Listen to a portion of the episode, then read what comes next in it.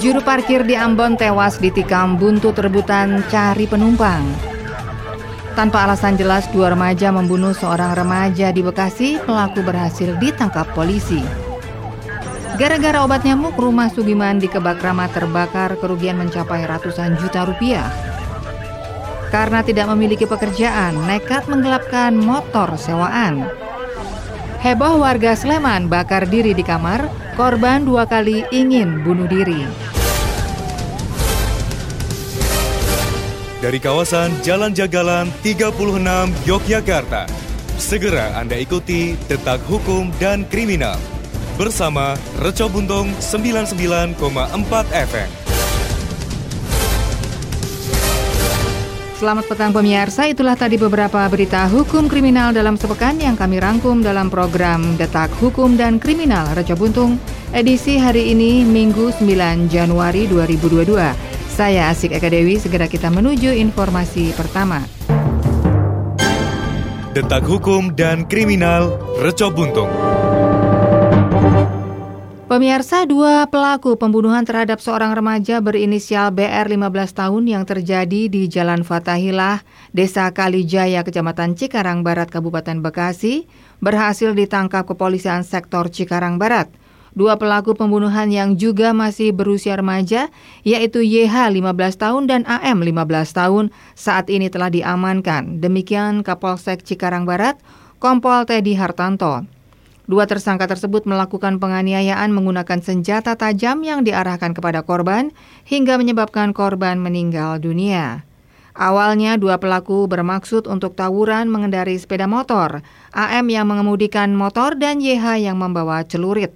Selanjutnya mereka berkeliling untuk mencari lawan tawuran hingga berpapasan dengan korban dan tanpa alasan yang jelas, YH menunjuk ke arah korban yang kala itu tengah berkumpul bersama teman-temannya. AM kemudian memutar balik arah kemudi motornya sampai mendekati korban. Setelah itu, YH langsung membacok ke arah punggung kiri korban.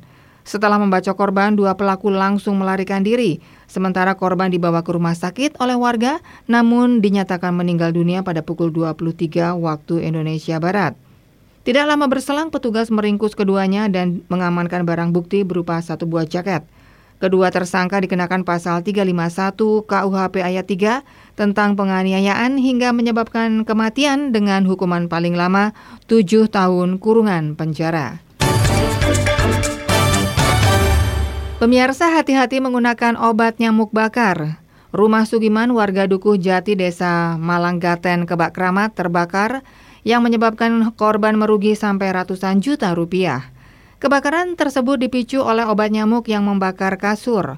Bangunan permanen milik korban pun luluh lantak hanya menyisakan puing-puing. Si jago merah mulai membara pada hari Kamis 6 Januari pukul 6.50. Hal itu baru disadari korban saat terbangun akibat menghirup asap dan panas dari nyala api.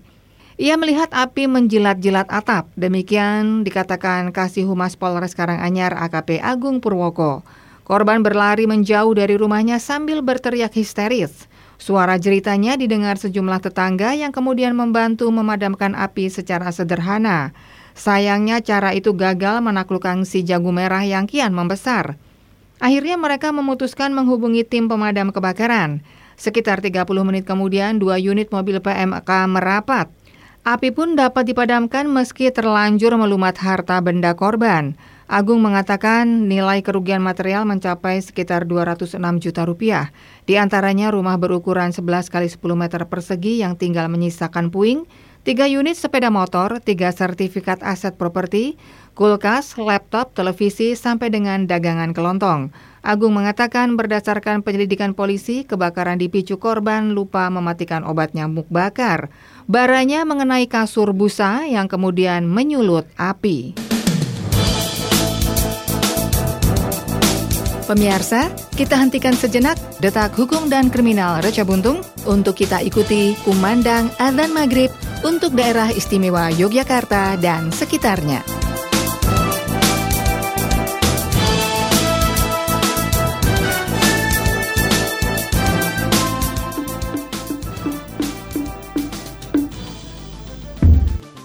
Allahu Akbar Allah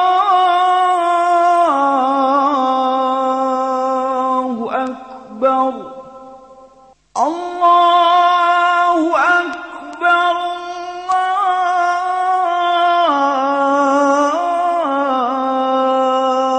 الله أكبر أشهد أن لا إله إلا الله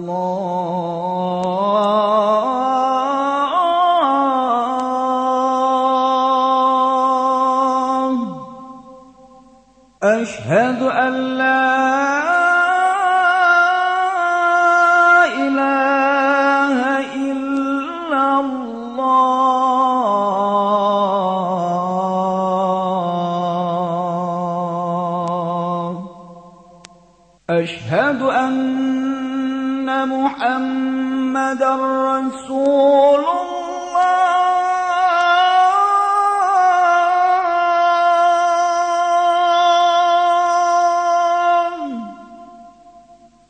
أشهد أن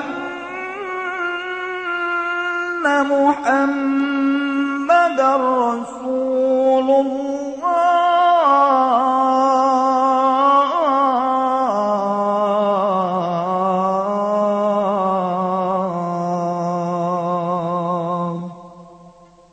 حي على الصلاة.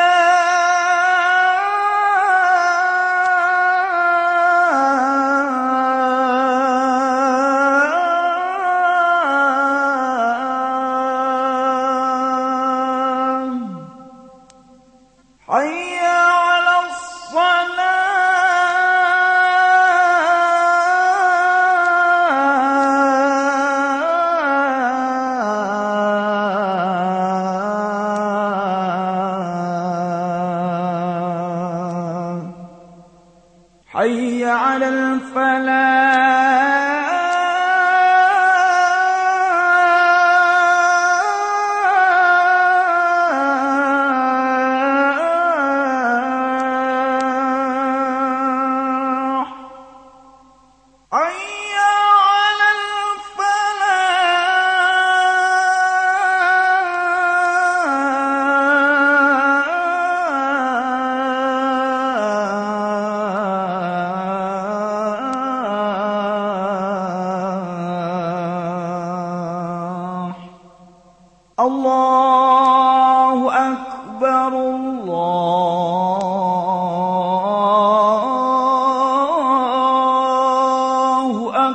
أكبر لا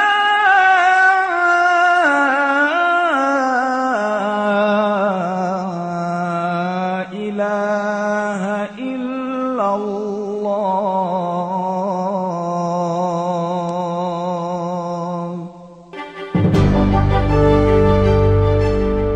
Pemirsa, kembali Anda ikuti Detak Hukum dan Kriminal Reca Buntung.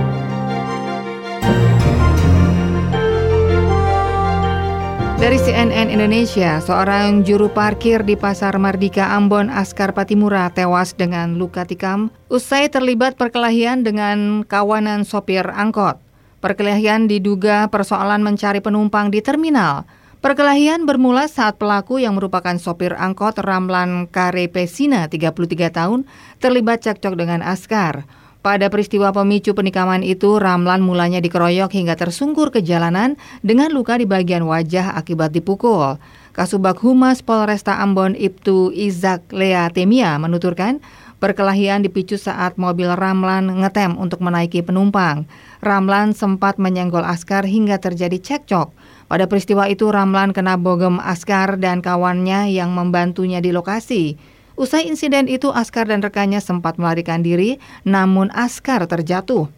Ramlan yang tidak terima dipukul tersebut kemudian mencabut badik dan menikam Askar di bagian paha sebelah kanan hingga tewas. Usai menghabisi korban, Ramlan lantas menyerahkan diri dan barang bukti senjata tajam kepada anggota TNI di Pos Nataru Pamardika. Pemirsa warga Padukuhan Tambak Triharjo Wates Kulon Progo WN 19 tahun harus berurusan dengan polisi setelah nekat menggelapkan motor yang disewanya.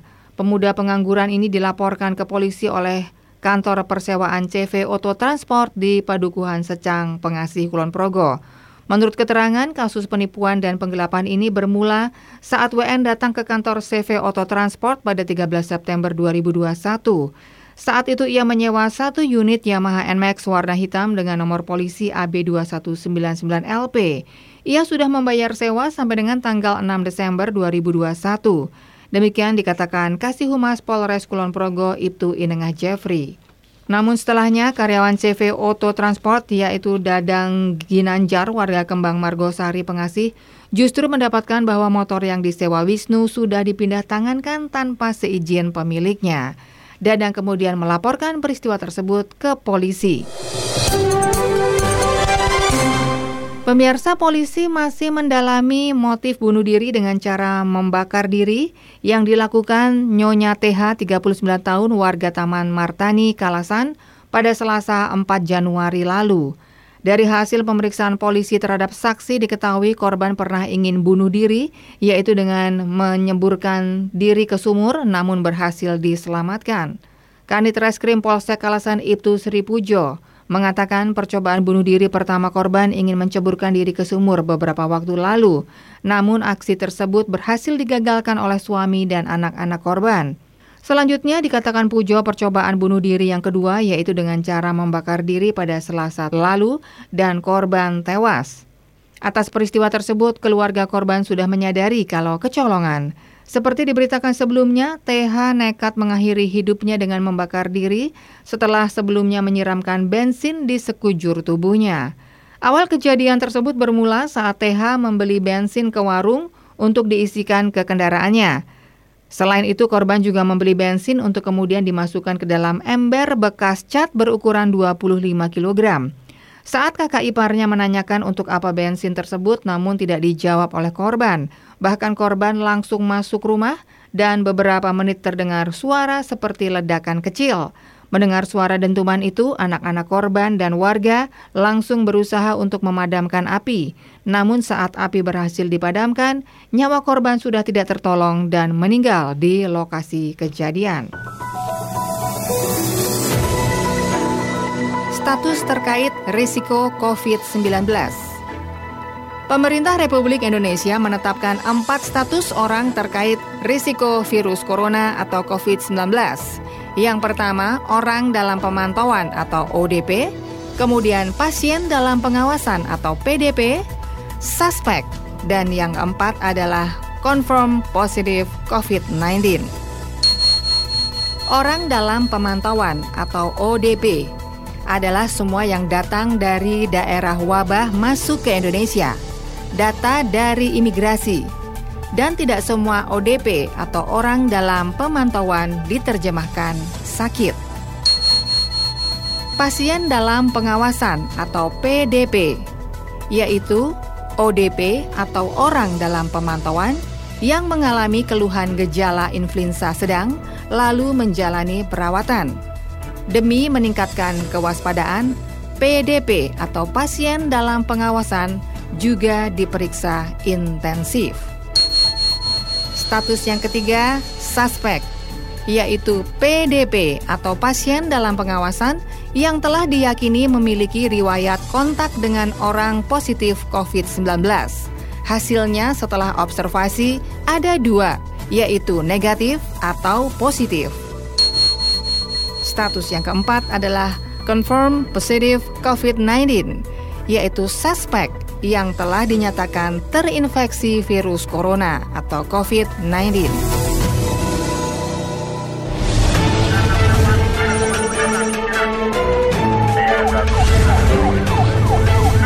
Pemirsa informasi tadi menutup jumpa kita di Detak Hukum dan Kriminal Reca Buntung edisi hari ini Minggu 9 Januari 2022. Ikuti detak hukum dan kriminal setiap hari Minggu dan jangan lewatkan detak deretan warta aktual esok petang pukul 18 waktu Indonesia Barat yang disiarkan dari Reco Buntung 99,4 FM. Saya Asik Eka Dewi undur diri, selamat petang, jangan lengah dan tetap waspada. Pemirsa, telah Anda ikuti Detak Hukum dan Kriminal.